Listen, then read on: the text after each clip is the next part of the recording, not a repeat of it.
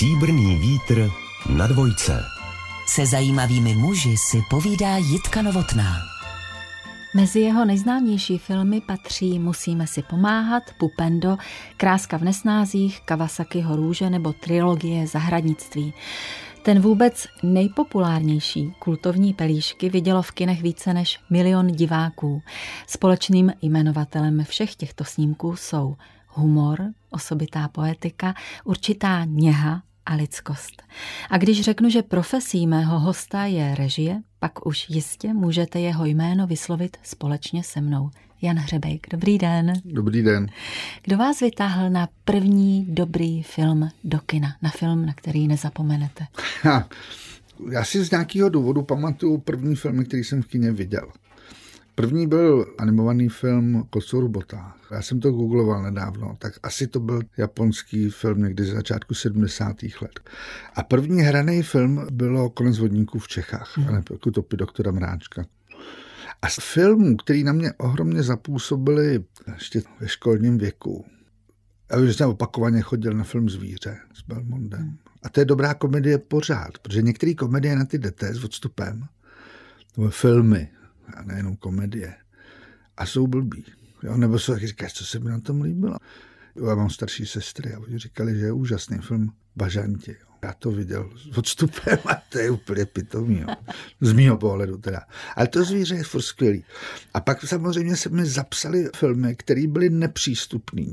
Konkrétně dva. Jeden jsem tehdy úplně nedocenil, ale bylo tam několik důležitých složek. To byl film Maratonec. Tam hrál Dustin Hoffman. To myslím Schlesingrův, Laurence Olivier tam hrál v takový nezvyklý roli. Záporný. A ta podstatná složka byl New York. O mnoho let později i díky Woody Allenovi a díky hmm. Miloši Formanovi. Ohromně oblíbený město. A druhý byl Vetřelec. Pamatuji ten výkřik v hmm. kině, tu, tu scénu, kdy ten vetřelec vyběhne z toho břicha.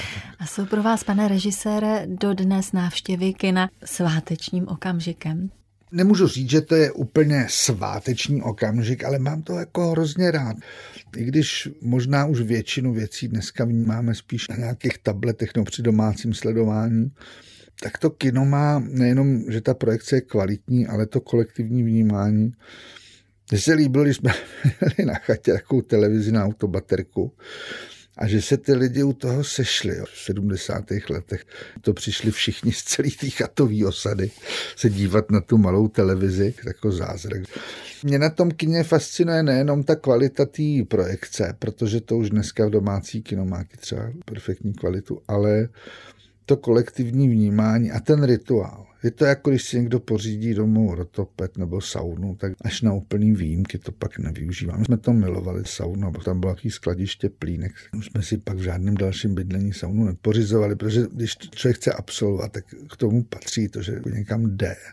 Ještě v těch 90. letech ty kina byly dost technicky schátralý. Já se si říkali, už aby tady byly ty multiplexy a měly ty kvalitní projekce, ale ty multiplexy zase dost často nemají duši. Já jsem měl první premiéru v multiplexu. Film Pupendo. Ten film běžel a bylo ticho v tom kině. A já jsem úplně zoufalý, protože ten film byla komedie. A já jsem věřil tomu, že ty lidi se budou smát, tak jako se smáli třeba plíšku. A pak jsem se rozlít a viděl jsem, že se smějou ty lidi, ale že to není slyšet, protože ten zvuk a ta akustika toho multikina je nastavená, takže tam neslyšíte, ale ani ten smích. Dneska už v reakci zase na ty multiplexy, tak v té Praze vzniklo spousta jednosálových kin. To je takový filmový prostředí, že tam jsou prostě ty plagáty a ty lidi tam chodí opravdu na ty filmy a jdou tam na vybraný filmy, protože ten multiplex je taková samoška. Nic proti tomu, jo.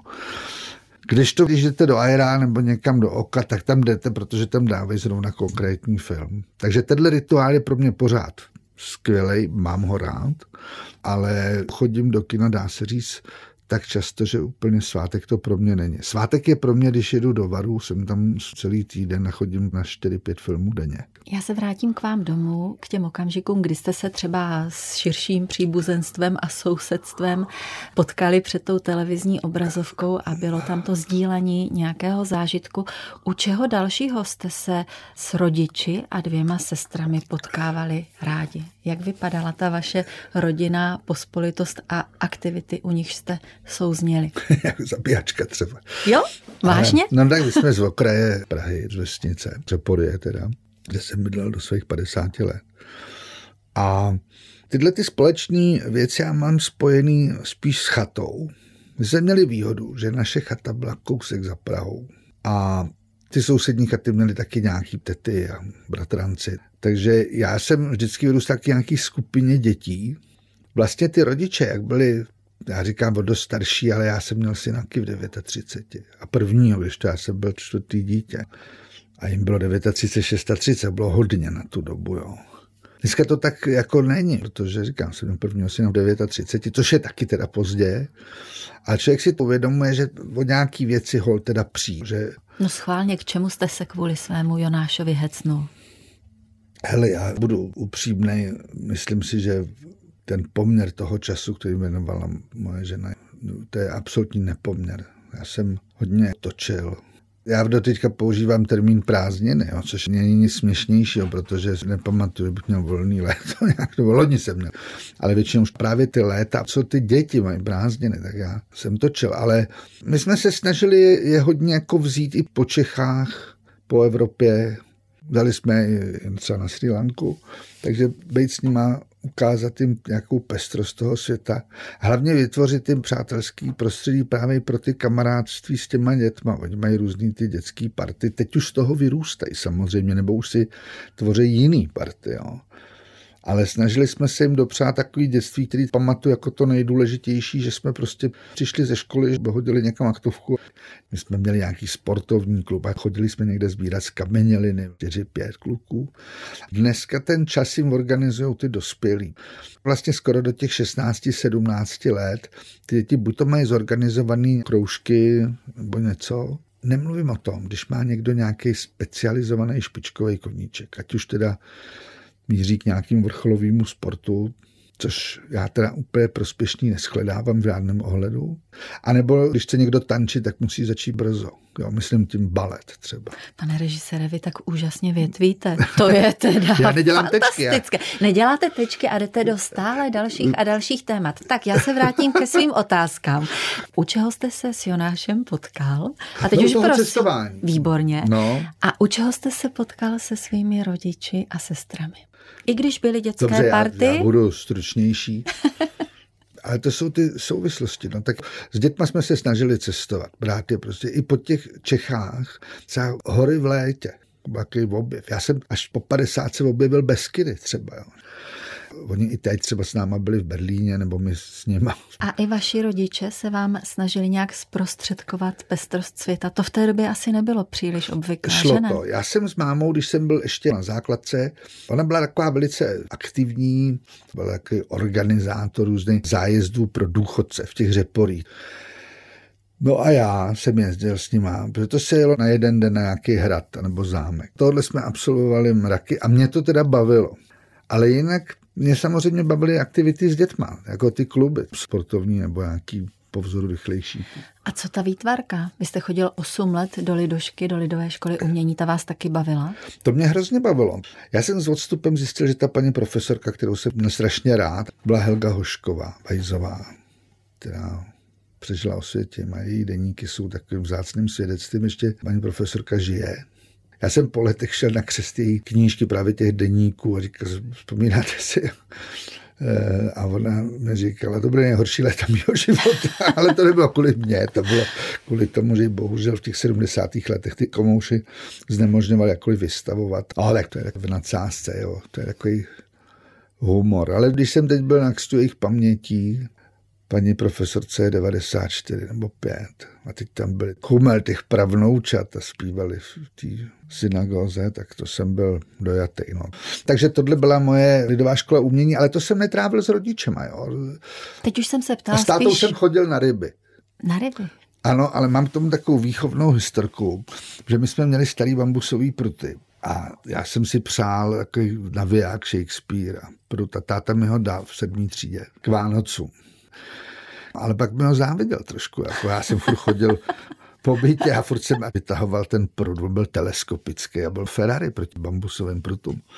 On tak po mně pokukoval a potom na konci ledna jsem měl strašný vysvědčení. V sedmý třídě jsem nás zhoršil prospěch hrozně. A on po touhle zámínkou mi ten prut zabal. a už jsem pak s ním nechodil na ryby, tak to by neměli ty tatínkové dělat.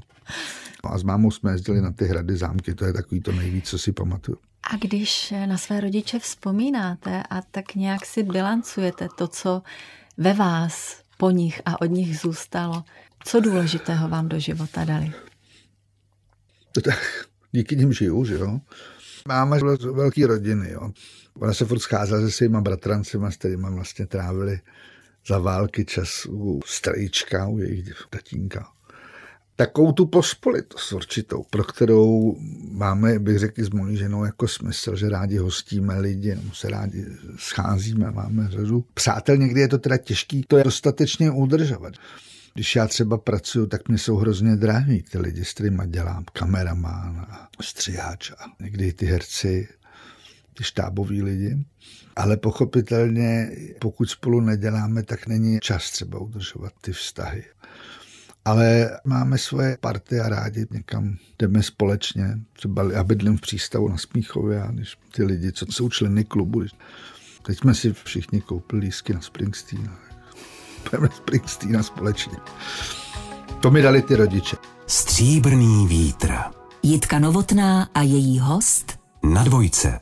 O prázdninách na Gimplu jezdíval Jan Hřebejk na Jižní Moravu do Mikulčic na vykopávky. Co vás tam zaválo? Ve třetím ročníku přišli dva takový důležitý lidi. Už jsme měli takovou svoji malou partičku a z jednoho Gimplu vykopli Ondru Mrázka, to byl jaký překladatel Daniela Harmse novinář, a Martu Smolíkovou. A ta zase byla taky dizidentský farářský rodina, že nám přinesla Havla, seznala, že existují nějaký divadla, že je Pražská pětka a tak dále.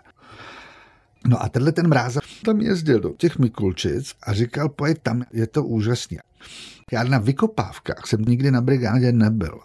Do té doby pro mě třeba folklor bylo něco strašidelného, ty komouši to trošku prosazovali, ale v takové té podobě spíš dechovkovský, a každopádně ani v té cymbálkovské, v který to dneska zbožňují, mě to nebavilo. A teď jsme přijeli na tu Moravu a já se najednou zjistil, že to víno je něco jiného, než to, co se tady dalo koupit. Tak bylo nám 16, 17. My jsme tam najednou mohli spát po těch sklípkách, chodit po těch sklípkách. Našli jsme si tam kamarády. Tí ta krajina byla jiná. Jsem tam byly ty české olivy, co ty sice neplodě, ale prostě jsou v té písčitý půdě a ty lužní lesy kolem. To bylo úplně jiná krajina. A já jsem si to zamiloval a zamiloval jsem si vlastně i ten folklor. Ten mráza to miloval, jo, a já jsem začal poslouchat třeba Ulrichovi, z Hradišťan. Ale do dneška mám vlastně rád hudbu, která vyrůstá z nějakých lidových kořenů. Dokonce jsem objevil aplikaci, kde takhle jenom ťukneš jakoukoliv zemi a tam hraje hudba z té země a z jakýkoliv období ty si mm-hmm. zvolíš. 20. století samozřejmě. I různý souvory byly pro mě potom právě z těchto důvodů převratný alba, jako třeba Graceland, kdy, kdy Paul Simon k sobě přizval jihoafrický muzikanty, anebo když Ray Cooder oživil v rámci toho projektu Buena Vista Social Club tu kubánskou kavárenskou hudbu těch 50. let. Takže tenhle základ mám z té Moravy, ale a, a z ta, toho vína. A ta láska k vínu se teda odvíjí už od těch studentských let, to už jste obrovský znalec. Co vám dává víno? Určitě nejsem obrovský znalec, já si nic nepamatuju. Musíte mít samozřejmě něco vypito s lidma, kteří se v tom vyznají něco vám tomu řeknou, ale druhá složka je, že si to taky musíte pamatovat. Takže já poznám, že je víno kvalitní, umím ho ocenit a jsem rád u toho, když se degustuje skvělý víno, ale nepamatuju si třeba ty vinaře, nebo ne. Víš, jako to jsou lidi, co si pamatují ročníky, že to pijou a říkají, no, to byl skvělý ročník a tahle viniční trať a tohle. A oni to fakt vědí, otravují tím ostatní teda často, když to přehání. A pane režisére, co si v životě pamatovat chcete a dokážete? A co je pro vás důležité si pamatovat? Já si pamatuju strašně moc zbytečných věcí. Myslím si, že teda paměť je strašně důležitá třeba pro spisovatele. A paměti jedno z mých nejmilejších filmařů, Luise Buñuela, začínají právě takovou úvahou o paměti. Já si pamatuju spoustu hovatin. Já si pamatuju třeba, jak se jmenují děti některých mých kolegů, s kterými se ani nekamarádím. nebo si pamatuju nějaký zbytečný souvislosti, ale hrozně mě to baví. Já strašně rád prokrastinuju na internetu a proto takhle kecám rozvětveně, jo? že já si najdu nějak, říkám, ježi, počkej, ten se narodil stejný den jako někdo jiný. A ono to vůbec samozřejmě nesouvisí, že jo. tak já vás nenechám takhle větvit úplně. No já, vás právě, budu... já, do, já se snažím dobrzdit, ale nejde mi to, víš, ten písek lítá od těch kol, ale brzdím, no, brzdím. Pojďte nám prozradit, kdy jste si uvědomil, že chcete dělat filmy a kdy jste si uvědomil, a na to se ptám s vědomím toho, že na FAMu jste studoval scénaristiku hmm. a dramaturgii, že ideální pozicí pro tu tvorbu filmu by ve vašem případě byla režisérská pozice. S tím okamžikem, kdy padlo to rozhodnutí, tam to mám jednoduchý, že my jsme ze školou na Gimplu ve třetíku šli na romanci pro křídlovku v den, kdy byl maturitní ples čtvrtáku. Ve třídě jsme byli tři kluci, kteří jsme se pak rozhodli jít na FAMu a všichni jsme postupně teda na tu FAMu šli a ten film děláme. Ještě to byl Petr Erchovský a Dan Vlodarčík. A my jsme se v tom začali hrozně hecovat, že jsme si teda pořídili legitky do kina Klub a kina Ponrepo, kde se promítaly archivní filmy a začali jsme tam furt chodit a toužit po té famu. A já jsem se tam první rok nedostal, pak jsem dostal za rok, Petr Rchovský pak přešel z Peďáku a Dan Vlodačík z Filozofické fakulty. A zase jsem měl na té famu štěstí, že jsme do ročníku chodili s Petrem Zelenkou na tu scenaristiku. A on psal takový krátký, velice jednoduše realizovatelný scénáře. Pak se ukázalo, že on sám je nejlepší realizátor těch svých textů. Tomu trošku teda závidím. Tím, že jsem točil ty Petrovi dvě věci víceméně mimo školu, ale s lidma ze školy, takže to byly jakoby filmy FAMu, akorát neplatila FAMu, ale moje máma. tak jsem ty režii víc propad a to psaní je příliš osamocený. Tam se musí člověk tomu donutit sám, když to ten film je rozjetej vláka. Feliny na to má skvělý přirovnání, že to je jako velet posádce Krištofa Kolumba, která se chce vrátit. To je výzva, to je prostě jediná věc, která mě nikdy jako nenudí. Když to u toho psaní, jak jsem řekl, že nerad prokrastinu, ale často, tak u toho psaní musíš mít morálku. Ty lidi, co něco dokázali, tak nepsali v žádných záchvatech, pokud to nebyli úplně geniální lidi. Že? No teď se nabízí otázka, jak je na tom s morálkou režisér. Režisér se v jednu chvíli dostane do situace, té fázi realizace, kdy už není cesty zpět. Protože vy přijdete na natáčení a je příliš mnoho lidí závislých na vás, na vašem rozhodnutí, na tom, jak vy zorganizujete to natáčení. Přes všechny ty problémy, které nastávají. A to většinou lidi stresuje. Mě stresuje v soukromém životě každá blbost. Jsem takový úzkostlivý, moje žena je v tom velkorysá. Mě jediný, kdy mě úzkost a tahle ta hnidopiskost opouští, je při tom natáčení. Tam je problém všecko, samozřejmě. Nikdo neví, co se bude jít, prostě má být sluníčko, prší, ale mě to motivuje. Já jsem si našel nějakou náhodou práci, která nejenom, že mě jako baví ty výsledky, nemyslím svoje, ale prostě rád chodím na filmy doteď, ale baví mě i tato výzva.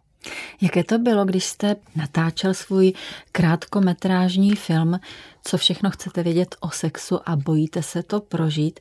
Kam jste si pozval na plac? Bořivoje navrátila Jiřího Ornesta, Jana Vodňanského. Za prvé mě zajímá, jak jste ty pány získal, co by student hmm. FAMu, a za druhé mě zajímá, kolik kuráže to chtělo postavit se vedle nich jako herec, protože kromě režie jste si tam i zahrál. To je takový film, který bych zdůraznil, že tam velký podíl je toho Petra Zelenky. To prostě jeho skvělý scénář, vtipný. Točili jsme to po bytech kamarádů právě u Dana Vldarčíka, u Igora Chauna doma. Jana Vodňanského znal přes toho mrázka. Na sousední Gimpl chodil David Zkoumal, syn Petra Zkoumal. My jsme u Zkoumalů doma, oni žili spolu s tím synem. Trávili hrozně času. Já jsem se s Petrem Zkoumalem do jak neznal, ale myslím si, že v jejich obejváku jsem strávil možná víc času mezi 17. a 20. rokem než doma. A já jsem zbožňoval Vodňanského zkoumala. A s Vodňanským jsme se od mých nějakých 18 let kamarádili. Měl takovou výhodu, že měl eh, takový nepředsudečný vztah, miloval mladý lidi, chodil na divadlo Sklep. Jsme se kámošili spolu, cestovali někam na podkarpatskou Rus v roce 91 nebo 2. Byl to vlastně starší kamarád. A jeho to bavilo v tom, tom filmu. Jirka Ornest, to já jsem obdival, to je zase Aleš Březina, můj jiný kámoš, který dělal hudbu k asi polovině mých filmů, tak tak dělal představení náhradního divadla na Žižkově, kde Jirka Ornest byl jeden z těch ústředních lidí. A Bořivoje navrátila jsem oslovil tehdy, ono to je možná dneska taky, no, že ty famácký filmy, když se jenom nějaké číslo, zavolal jsem, ono to znamenalo dva, tři dny pro toho člověka a mnozí byli teda ochotní. Já jsem v tom dalším filmu měl třeba pana Šmicera, Vlastimila Brodskýho, Miroslava Štybicha.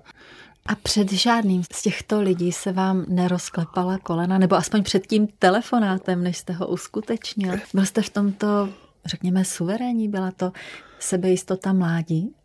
Já bych řekl, že dneska nejsem v tomhle o nic moc suverénnější. Jo.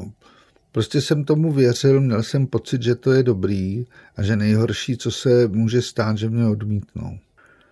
Ve filmu, když je tam velká jako hierarchie, nebo v té míře zodpovědnosti a v tom postavení, někdy teda v míře platu, tak přesto jsou projekty, kde je mladý režisér a je tak ctěný těma starýma bardama, že s tím chtějí dělat. To nebyl můj případ, já jsem nic nedělal předtím. Jo. Já jsem třeba nesnášel tykání, že to bylo takový komoušský pro mě, soudruhu ty a soudruhu studentety. Takže já jsem každému vykal. A potom, když jsem točil Šakalí leta, tak mi Honza Malíř, kameraman, s kterým začal dělat, a to byl můj kultovní kameraman, už když dělal s Chytilovou, tak on mi řekl, já mám problém zase, když jsme u filmu, aby jsme si vykali. Jo. Mně se to pak teda představilo to tykání, ale u toho filmu já mám rád tu propustnost. Já nemám problém vzít nápad osvětlovače, jo, že on řekne, hele, tam by se hodilo tohle. Dlouho jsem byl ten mladý začínající režisér a furt mi říkali, že jste mladý začínající a mi bylo 40. A teď už jsem zase také nejstarší ve štábu skoro kolikrát. No ale tím mladým začínajícím jste v době natáčení šakalých let opravdu byl to vám bylo 620 a přivedl jste na svět snímek, který získal čtyři české lvy, včetně nejlepšího filmu roku a nejlepší režie. Trvalo vám to dlouho nad Šabachovou povídkou uvědomit si, že by z toho byl skvělý snímek, nebo to přišlo jako záblesk? No, my jsme se se Šabachem seznámili v roce 87 nebo 8, když vyšla knížka Jak potopit Austrálii, Petr Archovský tam ještě hezký věnování od Šabacha. Petr zrovna šel do prváku na FAMu, takže to byl myslím rok 87. No a my jsme rovnou mluvili o tom, že bychom z toho chtěli udělat muzikál, ale věděli jsme, že za těch bolševiků to nepůjde. Takže jsme jako ten rok a půl na tu Hanspalku chodili, ještě jsme se zpřátelili, když jsme teda v Českém rozhlase, tak vzpomínáme na legendu na Honzu Halase, který tady byl leta šéfem literárního vysílání. A my jsme s tím Honzou Halasem chodili po té Hanspalce a nasávali jsme tu atmosféru a nám to přišlo, přestože to je o rock'n'rollu, tak vlastně je to o nějaký iniciaci, že mezi ty děti přijde nějaký lump a, a změní jim ten pohled na ten život, ať už to byl v 50. letech nebo 60. rock'n'roll, pak něco jiného říkal Ivan Jirous, že zkazil bolševikům několik generací. Tak tenhle ten typ zkaženosti jsme měli na mysli, když to byl samozřejmě muzikál pro mládež. Jo. Ale věděli jsme to hned. A potom napadlo Šabacha, že by hudbu a texty dělal Ivan Hlas. A to bylo to nejdůležitější. My jsme Ivana obdivovali, ale nenapadlo nás to do toho. Hostem pořadu Stříbrný vítr a Jitky Novotné je filmový, televizní a divadelní režisér Jan Hřebejk. Film Musíme si pomáhat, který od vás mám opravdu hodně ráda, získal pět českých lvů, včetně toho pro nejlepší film roku a navrh nominaci na Oscara. Nenapadlo vás tehdy, pane Hřebejku, při cestě do Hollywoodu, anebo i někdy jindy, že byste toužil pracovat ve světě, dělat mezinárodní kariéru?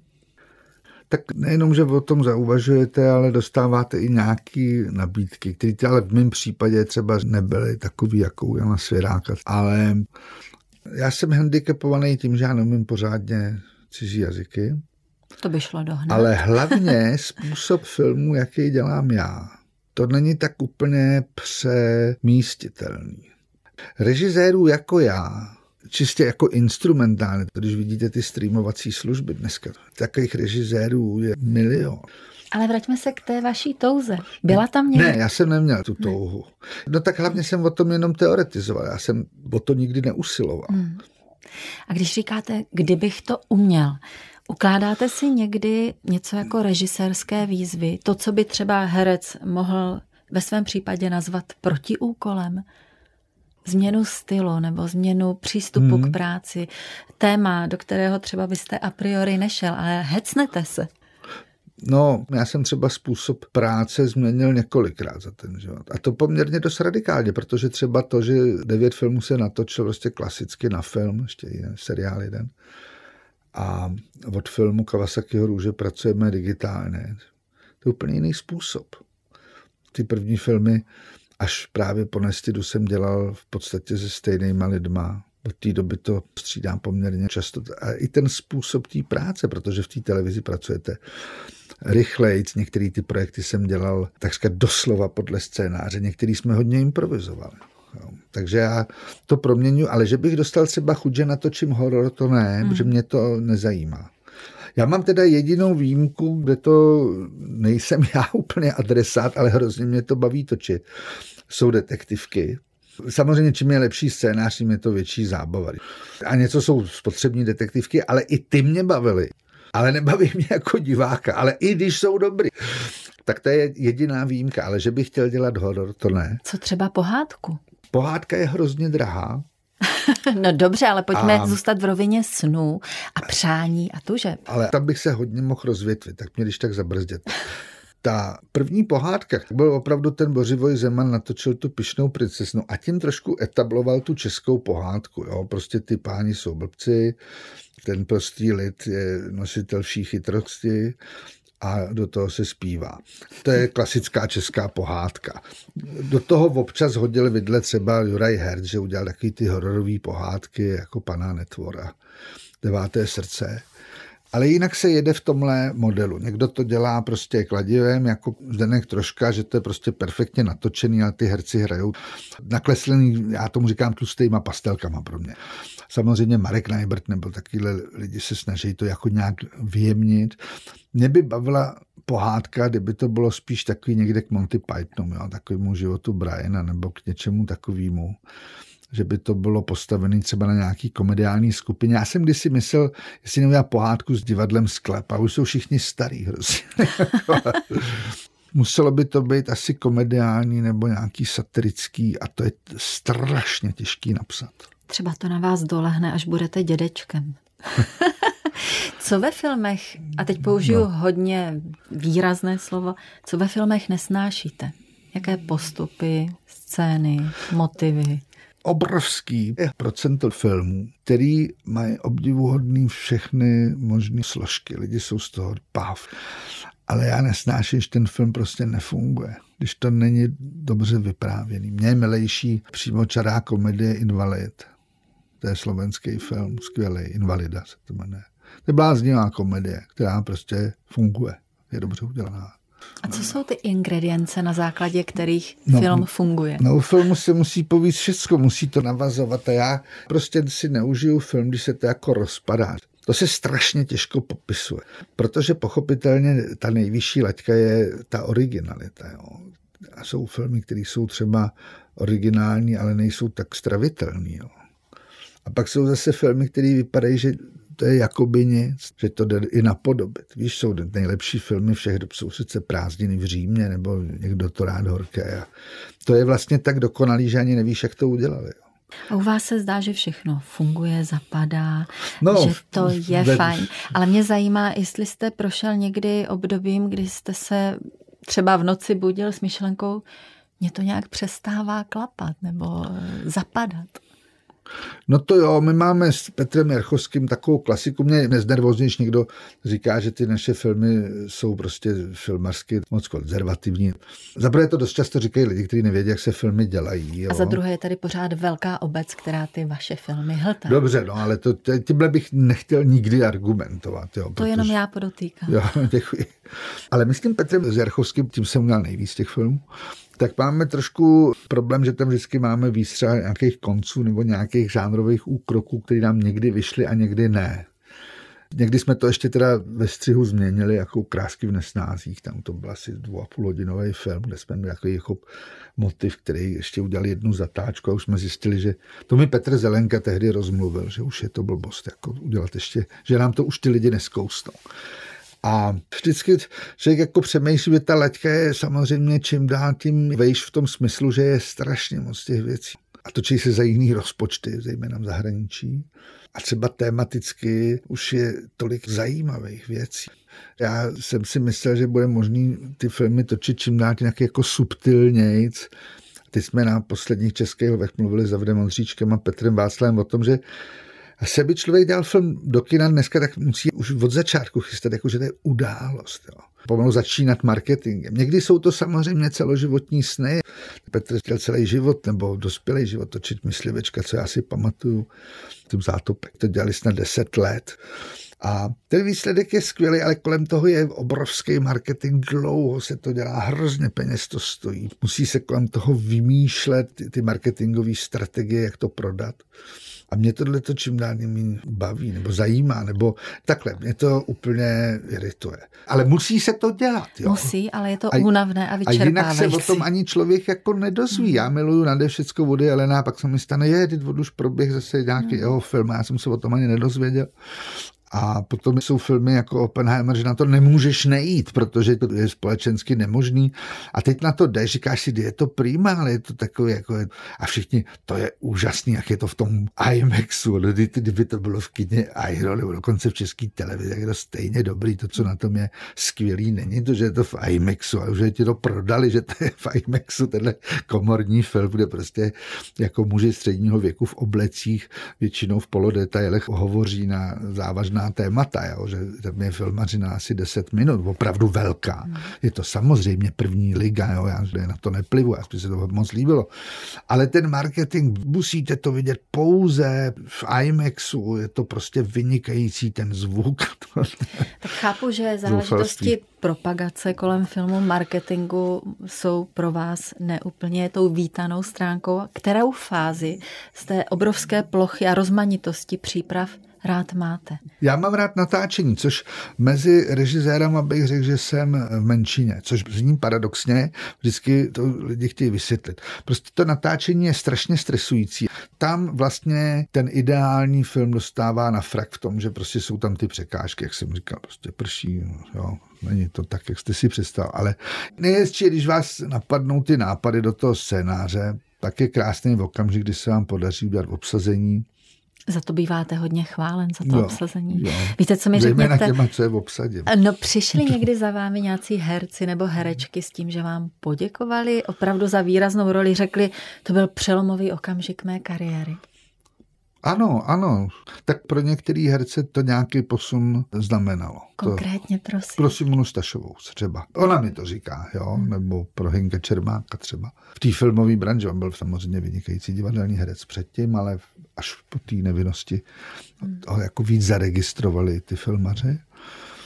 Jo, tak stane se to. Já si považuji i třeba opakovaných spoluprací s Áňou Geiserovou, s kterou jsme udělali filmy, kde ty její role, když si je dáte vedle sebe, tak jsou hodně odlišní a že jsme se neopakovali. A to mi jsou... vysvětlete, v čem je zajímavá ta opakovaná spolupráce, protože like by řekl, no tak on si to udělal jednoduché, už ví, co od ní čekat, jsou na sebe napojení, takže si to tak jako no, rádi zopakují. Ale vy jako aktér té symbiozy nás určitě dokážete přesvědčit, že je to daleko košatější. No tak je to jednoduše v tom, že rozumíte, protože jsou třeba vynikající herci, s kterými si třeba nerozumíte, nebo pro vás nejsou taková výzva, nebo to to, co děláte, není, není tam pro ně prostor. Prostě se to míjí a když najdete někoho, s kým si rozumíte dlouhodobě, já vám to řeknu takhle. Když se ptali Aleše Březinu, co ho spojuje s těma režisérama, který dělá tu hudbu, tak řekl skoro výhradně smysl pro humor. To je taky důležitý.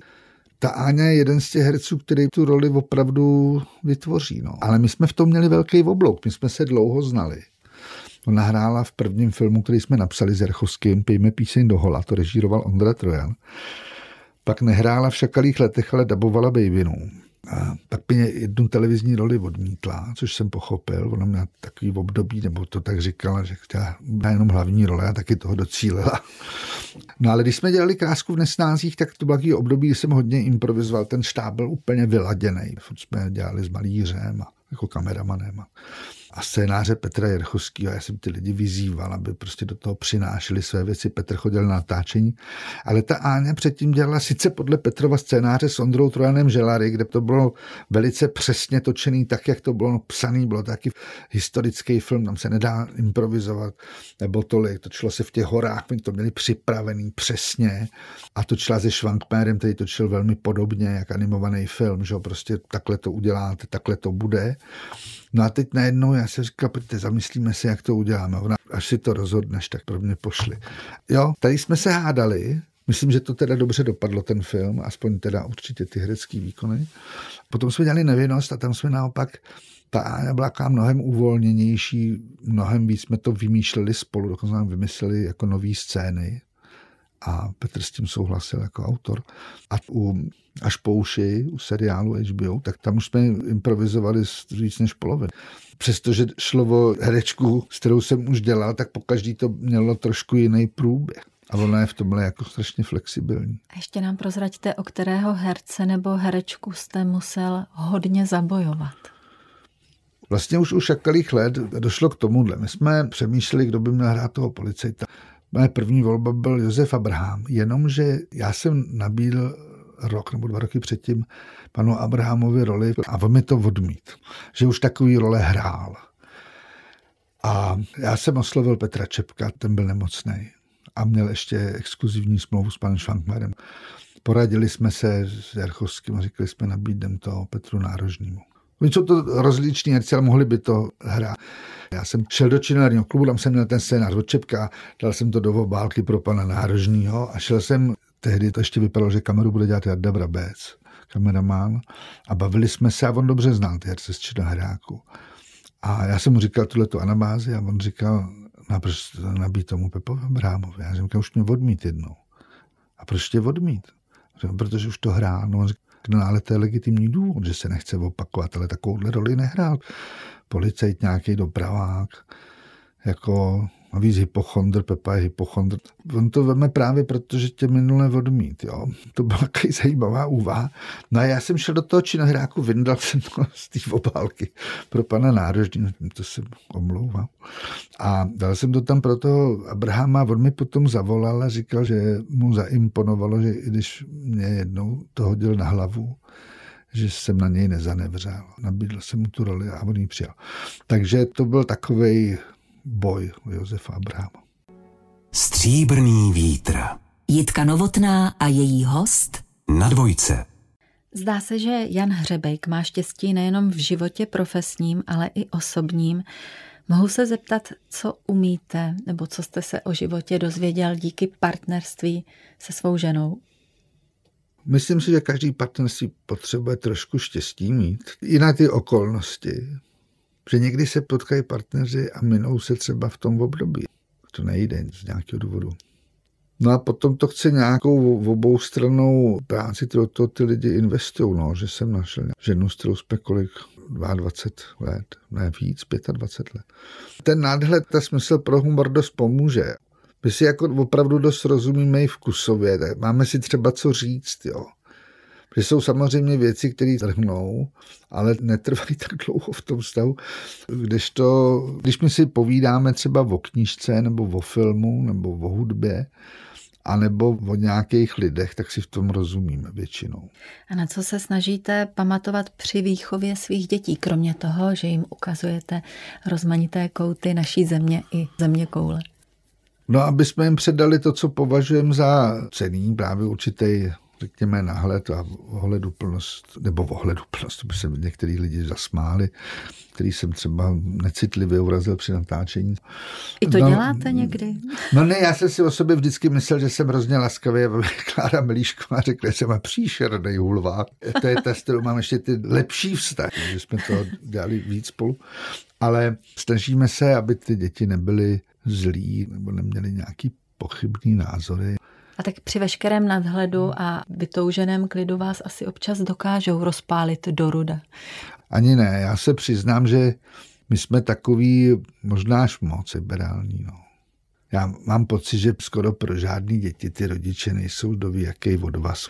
Zejména když jsou ve věku, kdy už taky hledají svoji osobnost, tak nechtějí chodit v oblečený jako vy, nechtějí jíst to, co vy. Že jo. A jak s tou důvěrou a svobodou nakládají, do čeho ji investují? No tak to není bez problémů. Byli jsme i nějakých dětských terapeutů, zejména po tom covidu. Ale já to svým způsobem beru za vyznamenání, že jim navrhneme, že na prázdniny pojedeme na týden do Berlína. Oni jako trošku jo, dobrý, radši by možná byli chvilku s kámošema, ale, ale že s těma rodičema jedou a chodí tam s nima po muzeích a to považuji za takový asi maximum, no respektují naše přátele, komunikují s nimi, naši kamarádi mají rádi naše děti. Já jsem o vašich dětech slyšela, že jsou zlaté a musím říct, že úžasný mi připadá i ten váš sociálně psychologický experiment, tak to aspoň já chápu život na houseboatu, zejména když jste zrekonstruovali nádherný prostorný dům a nakonec jste zvolili tuto úspornější variantu. My to tam máme velice pohodlný. Ona to není jako loď, kde bychom v jedné místnosti a dvou kajutkách nějak přežívali. Takový dobrodruzi nejsme ten dům je tak komfortní na té vodě. A teď má tu obrovskou zahradu, kterou není potřeba sekat, tu vodu. A každý vám řekne, třeba z těch nejbohatších, teď pomím lidi, kteří jsou nemocní, nebo někoho mají těžce nemocní, ty řeší tuhle věc. Ale všichni ostatní, i ty nejbohatší lidi, s kterými jsem se setkal, řeší volný čas. Ten relax. Ten máme ve chvíli, kdy přijdem domů. Víš co, lidi si budují nádherný byt a ještě chalupu a něco. Ale my to máme nějak v jednom, nebo nám to vyhovuje. To je možná to, co nás taky spojuje s tou Lenkou, že asi by většina žen mi tohle jako nedopřála, nebo většina chlapů by se s tímhle třeba nespokojila. Ale pro nás je to super. Já jsem rád, že děti dělají krásný dům na hřebenkách, nebo prodají potom, nevím. Je nádherný, dělala ho skvělá architektka Dáša Štěpánová, nás s tím pomohla. Dělali jsme to pro sebe, máme tam většinu našich obrazů a knížek, ale na tom Hausbotě máme tu řeku a jsme tam blíž u sebe. Jen tak během týdne pobejvá u přítelkyně, ale máme tam komfort, není to loď. Jste si tam ale na blízku, to ale je nemístné. Souvisí s otázkou, kam se vydáváte, když chcete být úplně sám. No tak moje žena začala taky pracovat, respektive být zaměstnaná. Starat se o děti je taky práce, že? Ty dělá v člověku v tísni, takže já, když netočím, no tak jsem doma sám. Že děti jsou ve škole a po svých kámoších a jsem sám doma. Sám doma, no, jako v tom filmu. A kam se vydáváte, teď to bude znít trošku pateticky, ale kam se vydáváte, když se potřebujete potkat s krásou? No po té Evropě rádi jezdíme. Takhle, jednak my máme hrozně krásnou zemi, myslím Českou republiku, co se týče přírody. Jsou tady hezký městečka, hezký místa, to jo. Ale jako obecně si myslím, že ta příroda, že je vlídná. Já mám rád tuhle tu přírodu, ty lesy. Jo, víc jsem to odseděl, když se začali vracet ty emigranti, já se pamatuju, že jsem se bavil s Pavlem Tigridem třeba někdy v roce 90 po těch lesích skal nebo po té Berounce. To docenuju s odstupem, že vlastně ta česká krajina je vlídná, není tak okázala jako v Kanada, že nebo prostě nějaký azijský země, nebo něco tak výlučného, jako je tak je to nádherný. Ale já bych tam třeba neuměl žít, protože tam nejsou stromy třeba, jo, tady. A nebo jsou prostě země, kde to je jako krásně, ale to všechno za plotem. Tady jdeš do skoro jakéhokoliv lesa, můžeš tam sbírat houby. Jo. Ta země na to, jak je malá, tak je pestrá. Mluvili jsme o té jižní Moravě s těma lužníma lesama, olivama, ty rybníky. A když jedu třeba do těch severních Čech, po té dálnici, tam jsou ty sopky a ty severní Čechy jsou nádherný a jezdím strašně rád na to český, jo, švýcarská Lužický hor. A nebo na Šumavu, kde máme kamarády zase přes děti. Ta země je krásná, no, ta příroda. A když chci se potkat s krásou, no tak do nějaký galerie nebo do koncertní síně. Říká muž, který miluje čínský citát. Krásné věci přicházejí sami od sebe, přílišné úsilí může lecos pokazit. Citát, který se jistě snadno pronáší tvůrci obdařenému mimořádným talentem. A právě takovým byl dnešní host pořadu Stříbrný vítr, Jan Hřebek. Děkuji za setkání, mějte se pěkně. Děkuji, shledanou, nechci vám to vyvracet, ty lichotky. Děkuji.